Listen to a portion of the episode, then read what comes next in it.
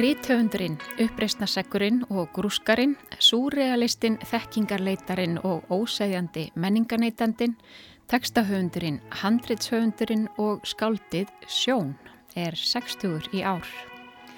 Að því tilefni gefur forlægið út heildarsapn rittverka hans en frá árinu 1978 og fram til dagsins í dag hefur Sjón gefið út 13 ljóðabækur og 10 skáldsögur. Í hverju bók í þessu nýja sapni er eftirmáli eftir fræðimann eða rittöfund, greiningar, skýringar og tólkanir. Sjón hefur lotið fjölda viðkenninga fyrir skaldskap, þar á meðal bókmentavelun Norðurlandarás og Íslensku bókmentavelunin. Auk þeirra rítverka sem finna má í nýjútgefnu heldarsapni likja eftir sjón leikrit, lagatekstar og kvikmyndahandrit. Það er bara eitt gestur í viðsjá dagsins og það er sjón.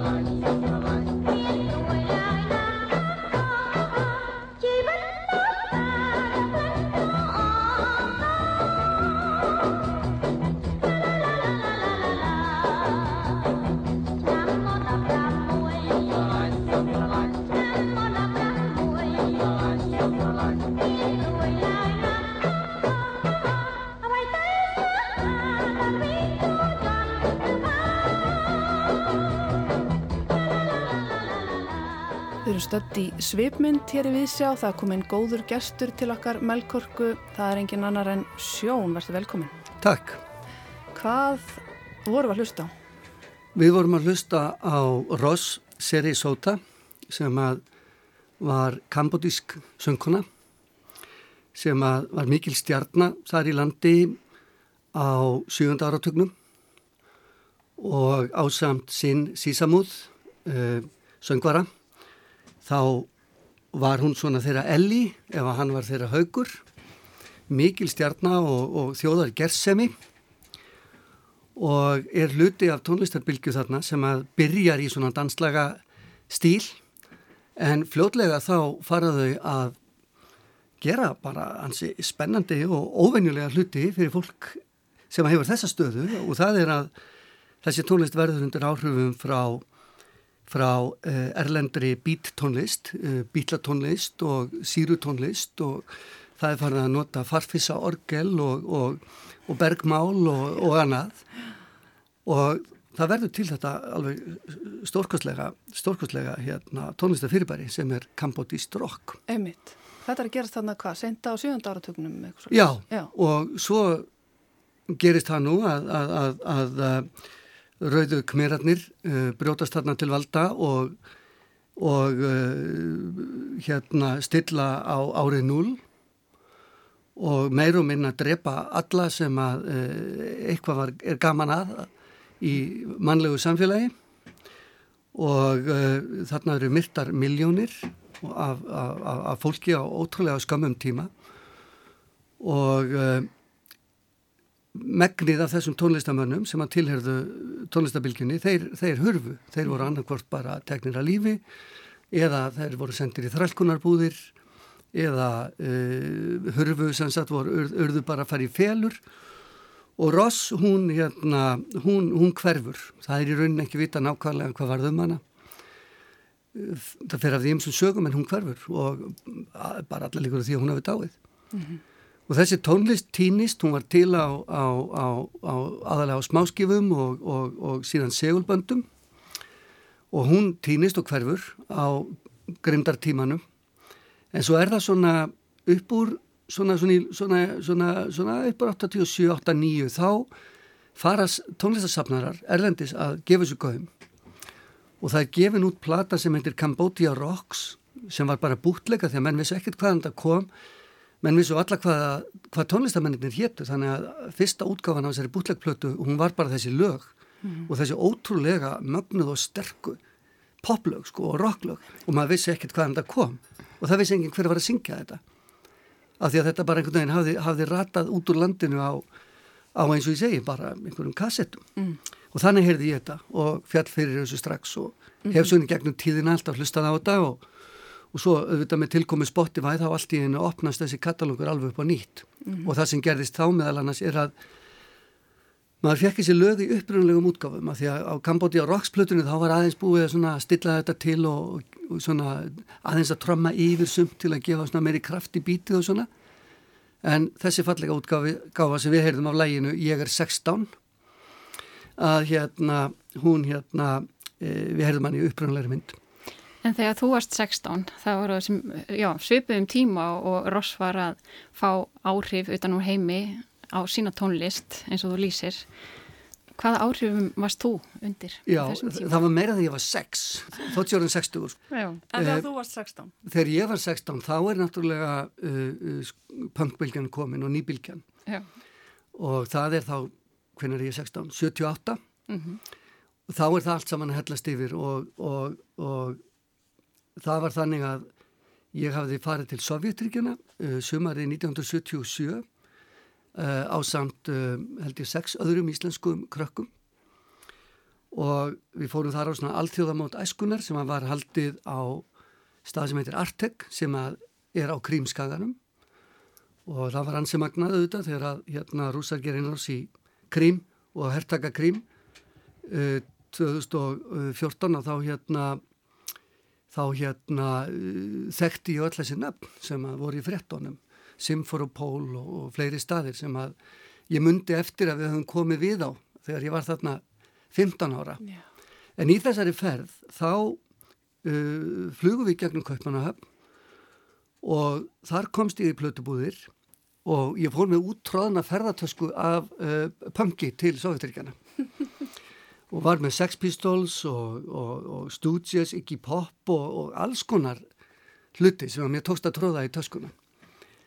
Þannig að ég flutti eitthvað því inn til Sovjeturíkina og það var svo merkilegt að eitt kvöldið þá kom einn af starfsmönnum sumarbúðana til mín og sagði, ertu til í að koma hérna aðeins með okkur? Og ég bara, já, ok. Og, tekur það með afsýðis og segir, við, við heyrum að þú sért með hljómplötur.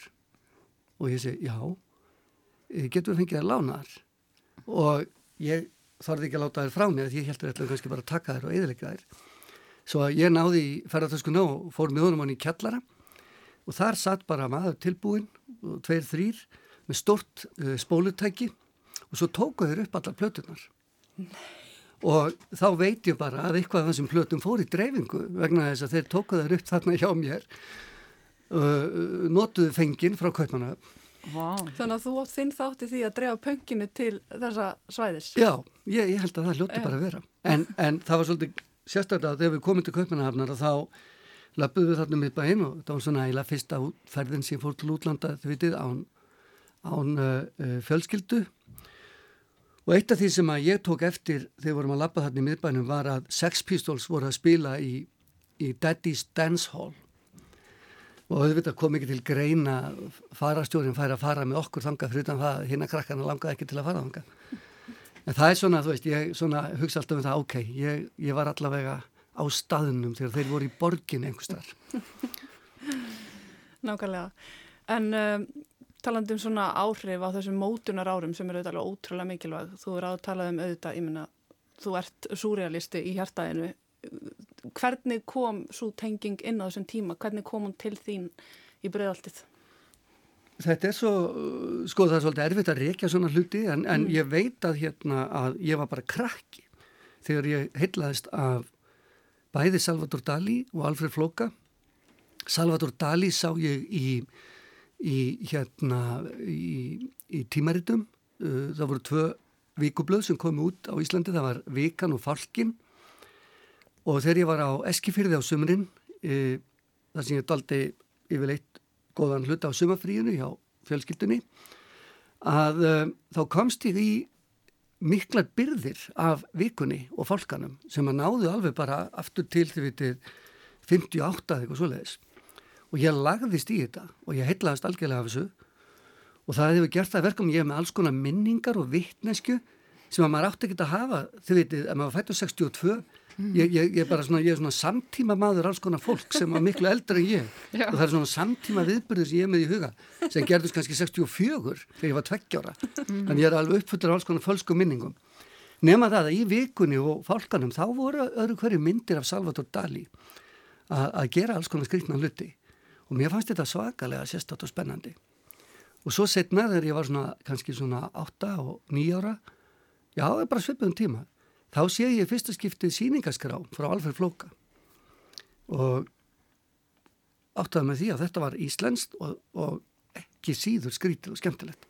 Þannig að smám saman bara byrjaði þetta að koma til mín mm -hmm. og svo þegar ég gerist úlingur uh, þá kemur ímislegt saman. Ég var heldegin af David Bowie og uh, uh, las allt sem ég gatt um hann og, og, og fyldist með öllu sem hann gerði og 1974 þegar hann er að kynna Diamond Dogs plötuna þá er hann með sjónvarsþátt sem er hér uh, nefndist uh, 1980 Floor Show. Og laga á plötunum síðan 1984 að því hann byggði hann að meðal annars á George Orwell bókinni. Mm. nema það að á mynd sem ég sá frá þessum sjónvarstætti að þar var Amanda Lear. Og uh, þannig er Amanda ekki byrjuð að syngja en var þekkt sem mótel en ég myndi eftir henni af ljósmynd með eh, Salvador Dali Já. sem ég hafi séð í vikunni af því að á þeim tíma var hún svona einhvers konar kærasta eða fyldarkona Salvador Dali og þetta mm. þótti allt sem var mjög spennand og dullarfullt af því að það gekk alltaf þessi saga frá upphafi að Amanda Lear hefði hafið lífsitt í Karmanslíkama mm -hmm. og uh, mögulega er Amanda af henni frægu fyrstu kynslu og transkvenna mm. sem mér þótti líka mjög spennandi mm. en þarna er alltaf David Bowie, Amanda Lear, Salvador Dali og ég byrja aftur að skoða surrealisman mm. og svo bara, þú veist, er maður alltaf í norðin surrealisti ja.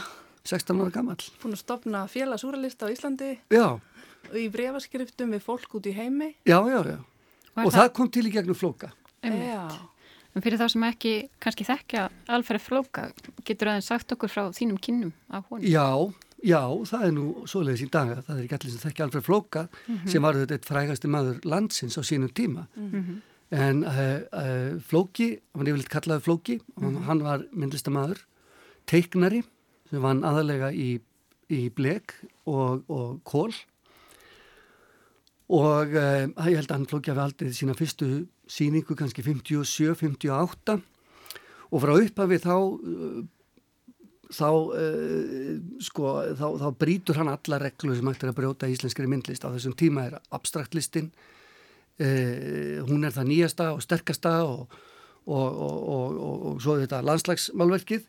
En Flóki kemur og byrjar að gera teikningar sem er undir áhrifum frá surrealismannum ekspressionismannum um, úrkynjaðri list uh, og ymsum svona afkima afkima strömmum og slæri gegn á sama tíma og hann nexlar alla þjóðina með uh, mjög djörfu myndum, þetta er mjög djörf, myrk viðfangsefni, mjög erotísk, mikil nekt, mikil kynlíf og, um, um, og hann var bara mjög umtalaði maður mm -hmm. og, og Þetta var ekki mjög borgarlegt. Þetta var ekki mjög borgarlegt en á sama tíma voru það borgarleginn sem var að kaupa þetta og síningarnar hann seldust upp á auga bragðin, ég held stóra síningar í bógasalnum sem þá var í þjóðminnarsafninu og hann seldi yfirleitt alltaf upp. Og svona alvöru vindlistamönnum uh, þótti kannski ekkert svo mikið til hans koma. En hann talaði einhvern veginn svona mjög stert til uh, svona hvað ég var að segja uh, svona myrkra klefana í, í, í, í Íslandingum sem svona þorða að kaupa einan vind mm -hmm. Áður við segjum skiljið við þessi mótunar þá hérna langar mér svo að spyrja það út í einhver staðar lasið varst að segja frá því að þú hefur komist í samband við ekku Andri Breton og farið í ferðalag til hennar sem er mjög merkilagt og setið einhver staðar í Suðu Fraklandi á og það hefur því dregafluga og það hefur verið þín innviksla í súrealisman Getur þú sagt okkur frá þessari reynslu? Já, já, ég get sagt okkur frá þessari reynslu. Það var þannig að, að Alfred Flóki, hann hafiði uh, uh, lítin áhuga á, á frægð og uh, á sama tíma var verið að senda honum svona íminnslegt uh, frá útlöndum, alls konar surrealista tímaritt að vera að bjóða honum samsýningar út um allan heim og hann yfirleitt syndi því bara alls ekki. Eiginlega undartekningalöst syndi hann því ekki. En uh, svo einhvern tíma þegar ég kem til hans að ég, ég gerist bara lærisveitn alltaf slúka við, við kynast þegar ég er held ég 17 og verða 18 og uh, hann er svo elskulegur að hann býður mér í, í, hérna kaffi til sín. Og það var bara að svona kennslustundum. Ég kom til flóka við töluðum saman um, um, um listina og ljóðlistina og surrealismann og allt sem er skrítið og skemmtilegt. Og yfirleitt leist hann mig út með tveim-þreim bókum uh, sem að ég fekk lánaðar og átt að skoða og lesa á þannig kemi næst í heimsókn. Og svo rættu við það og svona. Og ég var bara hérna í skóla og hann átti alveg gríðalegt bókasafn af myndlistabókum og, og bókmöntum úr þessari átt, mm. bara einstakt sapn á Íslandi verði að segja. Nefna það einu sem þegar ég kem í heimsók þá er það með tímaritt sem heitir Melmoth og e, það hafðu sendunum breskir surrealistar sem vildu fá hjá hann myndir eða eitthvað til þess að byrta og hann sagði þú kannski hefur gaman að ég uh, hérna, setja því samband við þetta fólk og ég gerði það og þar með vorum við litli mittusuhópurinn í bregðoltinu komnir í samband við þessa, þessa surrealista hópa út um allan heim og ég var að skrifast á við fólk sko, já, í öllum heimsálfum get ég sagt ykkur. Og, og uh, svo gerist það að, að við uh, Þór Eldon förum í ferðalag förum til Parísar uh, og vorum á leiðinu til Barcelona þar sem Ólafur Engilbertsson einn af medúsumönnum hafði sest nýður og var í, í námi held ég í leikmyndagerð. Og við fórum í gegnum uh, París á einhverjum svona interrailmiðum fórum síðan til Nancy bunguðum upp hjá einhverjum surrealista þar og við vorum svona bara með bara adressulistan úr tímarittinu sem að flókja það lána mér. Það var fyrir tíma samfélagsmiðla. Já, og allt í einu þarna í París Þór stakk af að því að hann þurfti að fara til uh, Sviss ef ég mann rétt að hitta Björk. Og ég var allt í einu einn í París og hugsaði með mér, ok, ég fer þá bara eitt frá París til Barcelona og hugsaði hugsa mér að koma við í, í Bordeaux hjá surrealista sem þar bjó. Og hérna og, og þegar að fólkið sem að ég var að hitta í Paris heyrði það. Og það voru meðal annars vinir eh, Elísu Breton, ekki Andrei Breton upphansmann surrealismans þá sagði þeirra, akkur kemur ekki við hjá Elísu Breton ef þú ert að fara til Barcelona? Lestin fyrir þarna surrættir og ég sagði, hvað heldur hún vilja hitta mig? Hann sagði, ég veit það ekki en bankaði bara upp á. Mhm. Ég ringi, hún er ekki með síma, en ég, ég ringi á posthúsið og þeir geta látið fólkið á kaffihúsinu vita og hún kemur þar yfirleitt svona annarkveð dag allavega á kaffihúsið og þá geta þeir sagt henni að hún er kannski vona á einhverjum ungu manni frá Íslandi. Svo bara var ég mættur þangað og í þeirri ferð þá, þá fekk ég hérna frægu skýrslu, það er bara skýrsla, það var ekki viksla mm. og þetta var ekki skýrn og ástæðan fyrir því að ég veit að þetta var skýrsla, þetta er mjög, mjög skrítið að, að, að sagt, ég, sagt, ég fer þarna og ég, hún, Elisa ég held að það kannski eitthvað svona bara verið að finna mér eitthvað að gera hún segi, hérna, akkur ferði ekki bara hérna á og baða því fólk er að baða síðan í onni og ég hef aldrei verið mikið fyrir það að, að synda eitthvað í kvöldu vatni og svona. En ok, ég gerða ákvað að gera allt sem hún segði mér. Svo hún let, let mér fá stráhatt og handklæði og sendi mig niður áni og þar fer ég sem sagt og, og gerir bara eins og fólkið. Nema ég komin svona út í ána. Og það er svona stein og ég klifur upp á steinin. Sitt þar, hlusta á vatnið og niðin í, niðin í laufanum. Og þá allt í henni heyri ég svona prrr, svona, svona flögur við eirað og svo hættir það og þá líti ég við. Og þá sittur drekaflug á aukslinu á mér og þetta var einhvern veginn, þetta var svo heilagt augnablík þar sem ég satt þarna með dregaflugunni við sátum þarna tvö bara og vorum eitt með alheiminum að það gerðist eitthvað. Og þarna hugsaðum við mér þarna, þarna nú, nú náði ég bara einhverju sambandi sem að mun vara um eilífð. Svo mörgum ára síðar þá dreymir mig að ég er stattur í, í kennslustund hjá Mattiasi Viðar í háskólanum og uh, þetta var í svona gömlum háskólasal sem var meira svona eins og svona gömlu uh, líkskurðarsalirnir. Mm. svona ringlaga, ringlaga svona viðar einhverjar, uh, einhverjar svona viðarsvalir svona. Og þar satt Mattias á samt nefndum og, sínum og ég sitt sem sagt í sitt þarna þar sem að venjulega er líkskurðarborðið. Og ég er að segja þessa sögu. Ég er að segja þessa sögu drömnum mm -hmm. og ég segi og þetta var einhvers konar viksla Þá segir Mattias í drönnum, nei, þetta var skýrsla.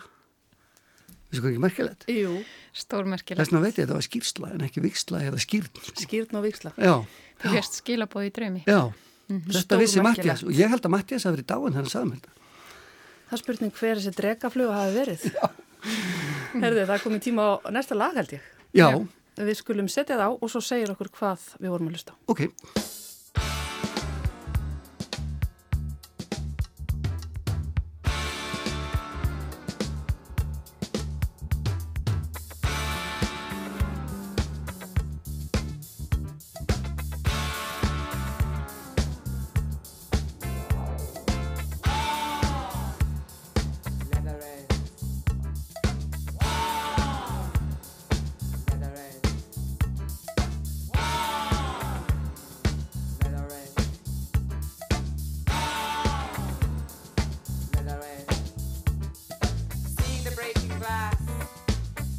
younger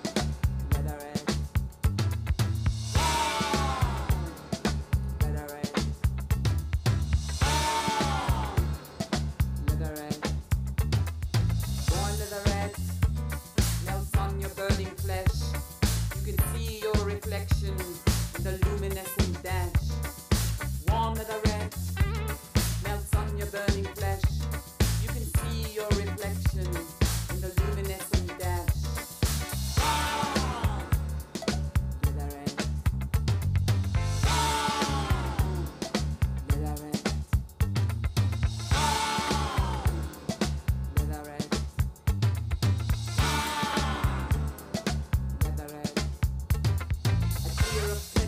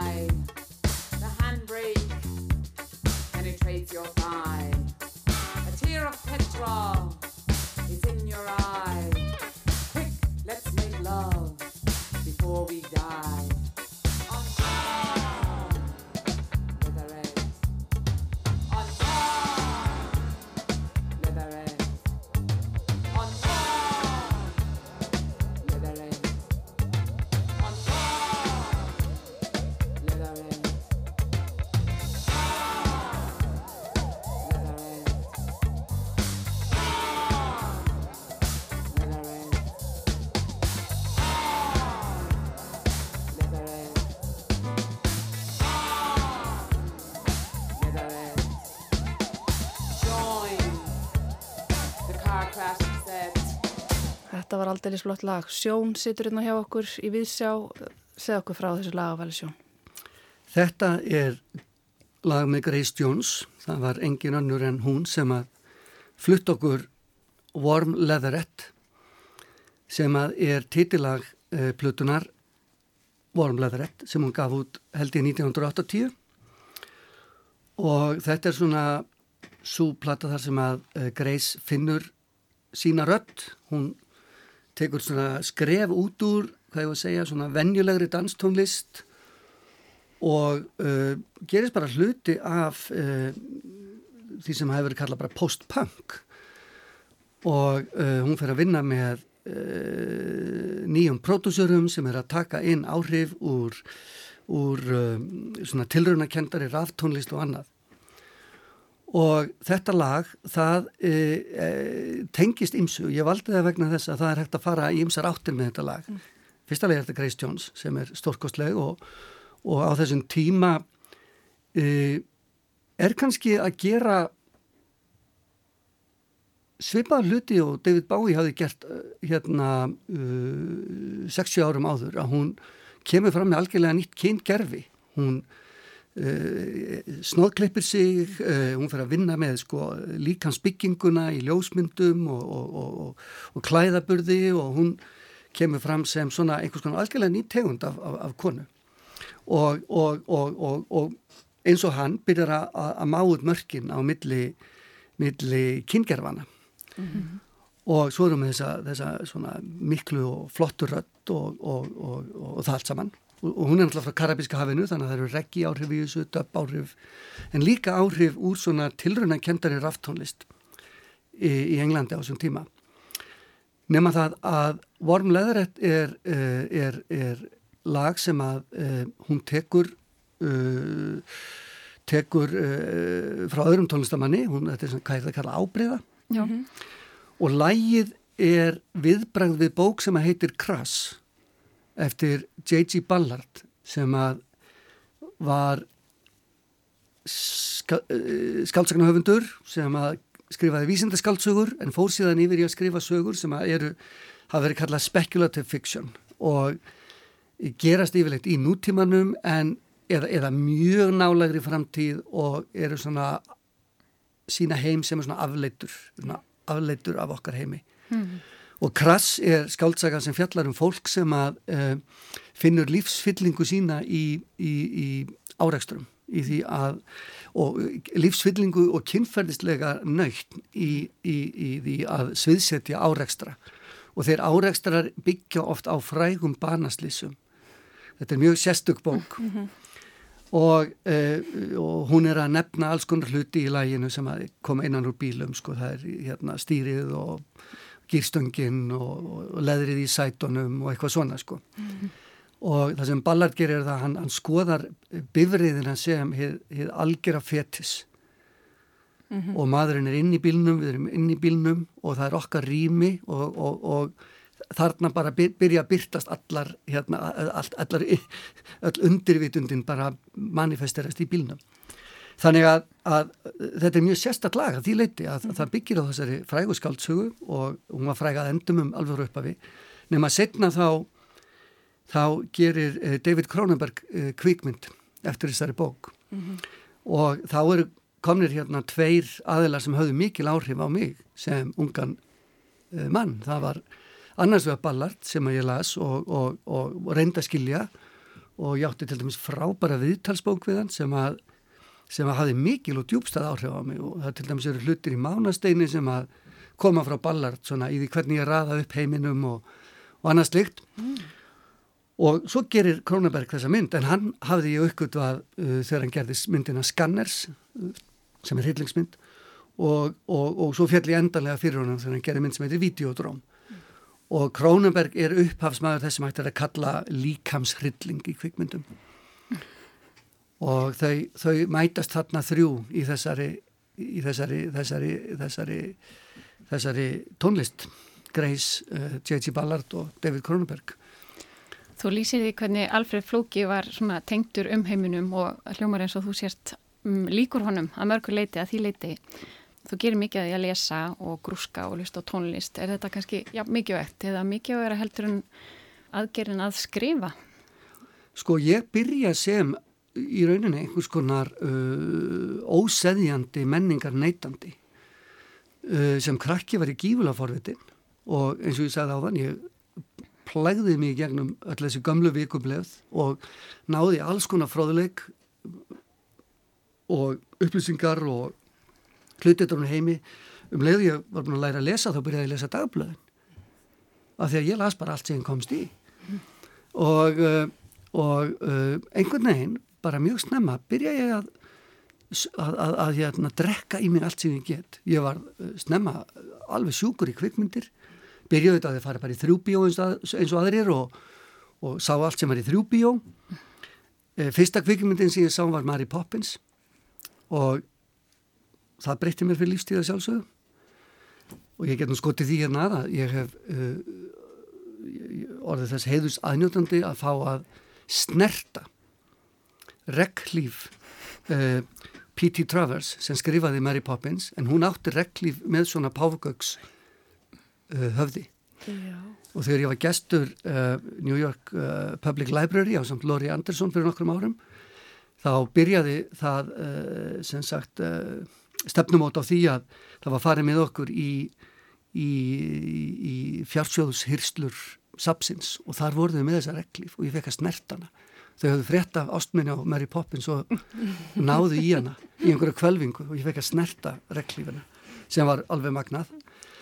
En uh, já, ég bara byrjaði mjög snemma að drekka í mig allt sem ég get og, og lesa náttúrulega alveg mér til óbúta á hana og það var eitthvað í tíðarandanum á þessum tíma sem að, sem að gerða það verkum að ef maður ætlaði að fara út í listir eða hafði áhuga á listum þá var bara hluti af því að, að, að leita, leita og leita og leita og uh, því óvenjulegra og sérstaklega sem það var því, því, því hafmyggjusamari varðmaður mm -hmm. og 15 ára þá gerist ég meðlemur í fjallakettinum kvikmyndaklúpi framhalskólana þá byrjaði maður að sjá myndir eftir Kurosawa og og Agnes Varda og, og, og, og bara þið veitir alls konar kvikmyndir sem kentur manni bara nýtt hvað kvikmyndir eru mm -hmm. Og ég held að þetta sé nú líka áhrif frá hérna kynnslóð uh, hérna hérna modernistina í bókmyndunum hérna uh, uh, hérna byrtings, byrtingsfólksins mm -hmm. því að byrtingur það tímaritt, það auðvitað var að vinna þessa vinnu. Það var alltaf verið að þýða skáldskap utan úr heimi, segja fréttir af kvíkmyndum, Tór var alltaf að skrifa um kvíkmyndir, svo voru fréttir af því, því nýjasta sem var að gerast í skáldskap í Svíþjóð eða, eða, eða í myndlist í París eða eitthvað. Þannig að þú veist, það var bara einhvern veginn, ef þú ætlar að fara, fara, fara, fara inn í menninguna, þá tengdur þið út í heim mm -hmm. og þú bara drost eins mikið til þín og gast. Einmitt. Og þannig að ég bara hef verið óseðjandi menningar uh, neytandi frá upphafi. Ég held að, emitt, finnir það allir sem að lesa bækunaðinnar, það er líka þetta landamæra leysi, ekki bara ósegandi menningar, þorsti heldur í allar áttir, aftur í fortíðina, það er steinar, það eru galdrar, það eru náttúruvísindi, það eru táknheimur, það er dulsbeggi, þetta er svona eitt stórt vunderkammer. Já, við bara eigum heima í einu stóru vunderkammeri. Við fæðumst bara inn í förðugripa safnið. En það er líka, maður tengið þetta aldrei við svona þennan tíma fyrir upplýsinguna, þú svona pínu 17. aldar maður að því leiti kannski. Já, uh, sko, ég erði margt úr surrealismannum og lærði margt úr surrealismannum og, og surrealismin auðvitað uh, setur stórt spurningamerki við skynnsemisíkjuna og uh, vísindin, hérna vísindilegu aðferð sem hérna einu leði til þess að, að, að skilgarina heiminn. Og með því er þeir að spyrja bara hver hefur, hver, hver, hver hefur leiðið hver hefur völdin til þess að skilgreina heiminn. Þeir segja að það likur hjá hverju mennasta manni og eina raunverulega aðferðin sem við höfum til að skilja heiminn er gegnum ljóðlistina. Mm. Það segja surrealistarnir. Það, það er einn eini sanni sann, sannleikur. Það er einn, já, einn ótrúlega trú á ljóðið. Mm. Ljóðið sem helsta tæki mannsins til þess að skilja heiminn. Og af hverju er ljóðið svona mikilvægt? Það er vegna þess að ljóðið er um, eini staðurinn sem er, eina, er í rauninni eina tækið sem við höfum komið okkur upp til þess að hugsa um heiminn sem að líkist drömnum. Það er næst drömnum og það er svo áhugavert að hugsa um það að, að maðurinn við, skeppnan, maðurinn, við byrjum að dreyma, okkur dreymir áður en við öðlum tungumál. Mm -hmm. Og þá spyrum við sig, hvað er það fyrsta sem maðurinn hafði að tala um fyrir utan hérna, þú veist, veist þetta og þetta og þetta og hlaupum og gerum eitthvað svona. Þú veist, allt í undir þar getur maðurinn farið að segja frá draumum sínum. Og ég hef hugsað mikið um þetta, hvað draumarnir voru fyrir fólki á þessum tíma. Vegna þess að það að verða meðvitaður um drauminn ég er ofta að hugsa um þetta fyrsti maðurinn, fyrsta manneskjan sem vaknar af draumi fyrir sekundu broti þá var hún bara stödd einhverstar annar staðar og hún var kannski að tala við einhver, einhver, einhver, einhverja löngu dána mannesku, hún kannski að vera að tala við ömmu sína skiljiði, ég held í rauninu öll síðmenningin spretti af því að maðurinn vaknaði af draumi og myndi draumi fyrsta skiptið En kemur ljóði til hinn eins og draumar? Já og svo er nefnilega ljóði, það, það hefur sko, sko aðferðafræði ljóðsins líkist drömnum helst af öllu mm -hmm. og, og þegar ég finn fyrir ljóðum eða leita ljóði, stundum komaðu bara en stundum þarf ég aðeins að leita þeim þá finn ég þau yfirleitt á einhverjum stað í, í huganum sem að, sem að eh, líkist helst þessu að mm. ætla að gera grein fyrir drömi Og hvernig er þá skáldsagnagerðin ólík? Svo eru skáldsögunar, þær eru meira svona handverk mm -hmm. en, eh, en, en, en uh, það sem ég gerir þar er að ef að við svona höldum áfram að tala um drauminn það sem ég gerir þar er að ég gerir skáldsöguna að vettvang uh, hún verður svona vettvangur þess sem personurnar uh, dreymir um. Mm -hmm. Ef að persóna í bókinu sopnar þá vitum við úr hvaða veruleika draumarinnar eru spunnir. Og það er ekkert einfaldur veruleiki, hann er flókin af því að hann er líka búin til og skilgrindur af manneskjum sem mm. hafa drauminn sem sína grunn einingu Það kom við inn á samkendina sem að þú leggur þig mikið fram við í þinni persónasköpun í skaldsjónum Við lásum ekki starf að þú skrifaðir við verðum að byrja á því sem við eigum samilegt með fólki til að reyna að skilja það. Já, það, það, það hlýtur alltaf að vera þannig að maður eigi eitthvað samilegt með, með öðrum. Það er einhver samilega reynsla sem við getum mæst í og, og ég held að það sé ágætt að munna það þegar maður er að skrifa personur og, og það er því, því mikilvægur að munna því eftir því sem þær eru ólíkar okkur mm -hmm. og Mánastein til dæmis uh, Máni Stein í Mánasteini hann er 16 ára uh, hinsegin strákur uh, munæðalauðs ólæs í Reykjavík 1918 hvað á ég sammeilegt með þessum strák? Já, ég á það sammeilegt með að vera 16, hafa verið 16 ára eins og hann og með óseðjandi áhuga á kvikmyndum. Þetta tvent eigum við alveg öruglega sammeilegt mm -hmm. og svo íminnslegt annað sem við eigum sammeilegt en uh, þetta hjálpaði mér mjög mikið til þess að vera með honum í hans lífi uh, 95 árum áður en að uh, bókjum að skrifuð og ég hef líka sagt að, að því, því, því, því svona ókræsilegri sem personan er þeim er mikilvægara er að ég byggja hann á einhverju í sjálfuð mér mm. og það er persona í einni bók eftir mig bók sem heitir Argórflísin, það er eldri maður Valdimar Haraldsson ægilega forskrúfað gamalmenni með rasískar hugmyndir og mjög háar hugmyndir um norrænt mannkinn að hann byggir á langafa mínum þessi, þessi maður en til þess að geta gættan lífi þá var því að finna í sjálfu mér og muna eftir í sjálfu mér alls konar svona leiðinlegum eiginleikum, svona fílu og óþólinn mæði hvert öðru fólki og að því að hann er þannig mm -hmm.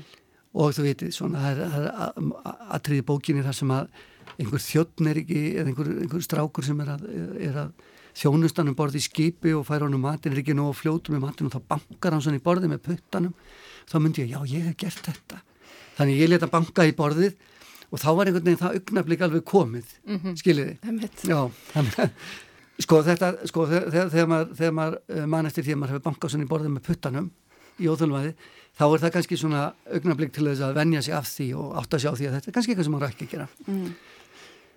Nei, en, en, en sko mikið af mínum personum eru og, og að sérstaklega aðalpersonunar í, í þeim bókum sem ég hef skrifað, skáldsögum, eru einhvers konar utangarsfólk. Þetta er fólk sem hefur lenda á einhverju skjön mm -hmm. við heiminn og ég er mjög upptekinn af því að, að hvert og eitt okkar hefur leiði til þess að skilgarina heiminn og, og, og leið og manneskja uh, nýtir sér það leiði þá er hún auðvitað komin upp á kant við heiminn mm -hmm. að meira að minna leiti skiljiði mm -hmm. og það er þessi innri veruleiki, þessi innri heimur sem við, við, við öll erum með uh, þegar hann mætir hinn um ytri heimi sem er samfunnuverkefni að þá hérna þá fara áhugaverði hlutur að gerast mm. og þeir sem þetta er á jæðrinum þeir eru í meiri átökum Einmitt. við samiðilega verkefni heldur en, heldur en aðrir og þetta er fólki sem ég hef áhuga á eins og til dæmis Gunnar Kampen Gunnar Kampen sem að er einmitt sko myrka hliðin mm.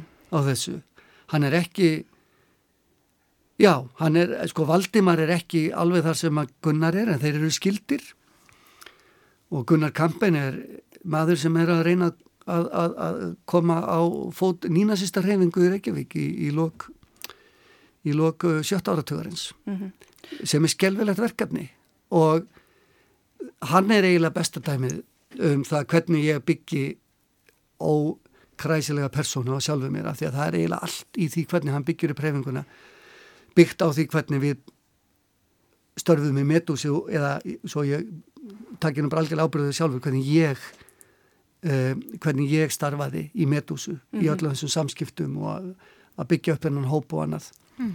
Þú náður að sjá þarna þessa ungu ástriðu Já og það er það sem er svo áhugavert sko, það er að, að, að og sérstaklega í dag að hvernig er þetta virkja það sem að uh, virkja ástríðu ungs fólks fyrir því að skilja heiminn og, og, og, og setja marksitt á heiminn, hvernig er þetta að taka þá ástríðu og snúa viðkomandi til bara yllara verka, ég lefði mig bara að segja það. Mm -hmm. Við erum komin að lókum þáttarins. Já því miður af því að við erum rétt að byrja Já. á spurningunum hérna en við ætlum að fá að lauma hérna í lókin eins og við gerum alltaf í svipmyndinni hér í Vísjá lauma nokkur um prúst spurningum til þín Já, sjáum hvað gerist Ef þú væri dýr, hvaða dýr væri? Ég myndi helst vilja vera tófa Vilti eitthvað? Já, sko, þið veitir sko það, ég, ég er þú veit strákur inn við beinið og strákar vilja alltaf vera eitthvað töft dýr. Mm. og uh, ég fekk einu sinni lestur uh, lestur uh, út frá hugmyndum amerískra frumbyggja frumbyggja um vendardýr og ég var auðvitað að vonast þess að fá að vera úlfur eða refur eða, eða slettu úlfur eða eitthvað svona. Og kom í ljósa að ég var rjúpa. Og ég hef nú alltaf elskað rjúpur og ég skildi þetta ekki fyrir að mér var sagt skilur ekki hvað er rosalega magnað að vera rjúpa? Hún skiptur um ham. Mm -hmm. þú ert hamskiptir. Þú breytir um lit eftir ástíðum þú getur farið inn í hvaða aðstæður sem er og, og, og, og aðlaga þig. Mm. þannig að ég segi tóa en, en, en ég er rjúpa. Sér það eftir ykkur? Já, já, ég sé nú eftir ímsu, hmm, en um, ekki mörgu. Ég er mjög ánaðið með það hvað ég er og ég veit ekki hva, eftir hvað ég ætti í rauninni að sjá. Ég sé pínlítið eftir því að uh, hafa ekki uh, þegar ég bóðum að hitta David Bowie einu sinni þegar það stóð til bóða og þá hugsaði ég með mér, nei, hann hafði svo mikil áhrif á mig og ég er með hann svo lifandi hann er bara svo sterkur í huga mér og höfum það bara þannig. En ég sé samt pínlið eftir því. Ég ætla að brjóta regluna og ekki spurja prústspurninga af því að mér langar að spurja e, þig um ráð til ungra höfunda því þú stendur á þessum tímamótum. Já, ráð til ungra höfunda. Sko, fyrsta ráð sem ég get gefið ungum höfundum það er að, að hlusta ekki á 60 ári höfunda byrjum þar. Það er mjög gott ráð. Mjög gott ráð.